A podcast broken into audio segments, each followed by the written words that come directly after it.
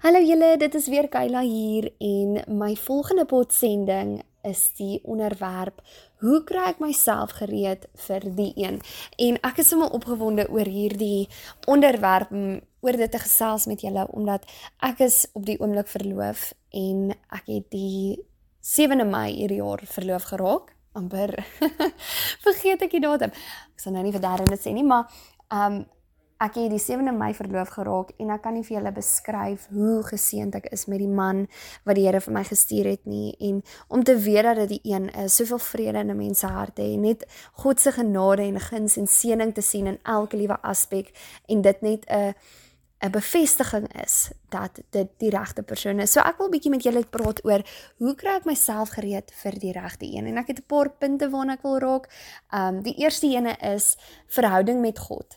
En wanneer jy 'n verhouding met God het en 'n pad saam met hom stap en hom ken, maar werklik ken en regtig lief is vir hom, sal niks anders vir jou saak maak nie en jy sal die vertroue hê in jou hart dat alles reg sal uitwerk op die regte tyd. En ek weet 'n mens raak oorhaastig, maar op die einde van die dag sal jy net weet dat maak nie saak hoe lank dit vat nie, die Here weet hoekom dit so lank vat. Ek ek dink so nou dat ek praat daaraan um oor die storie van Rut. Rut was nie op pad veld toe om 'n man te gaan soek na haar vorige man oorlede was nie. Sy het by haar skoonma gebly. Sy was nie van plan om 'n nuwe man te kry nie. En toe sy daar is en besig is om te werk in die landerye, toe gee die Here vir haar man. So wat ek julle net mee wil bemoedig is moenie gaan soek vir die persoon nie. Die Here weet waar, wanneer en hoekom en hoe hy jou persoon vir jou gaan stuur.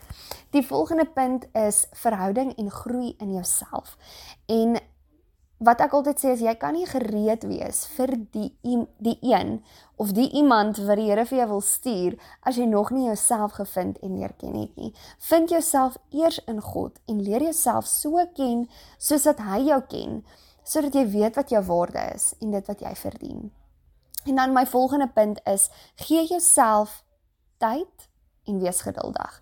Ons lewe in 'n era waar ons alles nou wil hê. Ons wil nou kos hê, so ons kan bestel. Ons kan alles gebeur so vinnig in vandag se dae en ons moet net eintlik ophou jaag na dinge wat nie in ons hande is nie. Soos byvoorbeeld as jy 'n saak vir die Here gee, moet jy rustig wees en terugsit en wees van ek gee dit vir die Here en ek is rustig in die wete dat die Here se wil sal geskied, maak nie saak wat nie. En dan die volgende ene is om te wag vir die een, maar in elke liewe manier. Wag vir die dag wat die Here vir jou die regte persoon gee. Moenie nou net gaan en haastig in verhoudings ingaan en haastige besluite en foute maak nie. Want wanneer jy wag vir die persoon en die Here daai persoon vir jou gee, is dit soveel meer seëninge wat dit inhou en soveel meer geluk om te wag vir jou persoon en te wag tot julle trou en te wag vir dit wat die Here vir julle instoor het.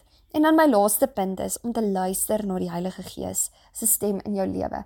En 'n manier wat ek altyd voel ek hoor die Here se stem is definitief deur die vrede wat hy gee.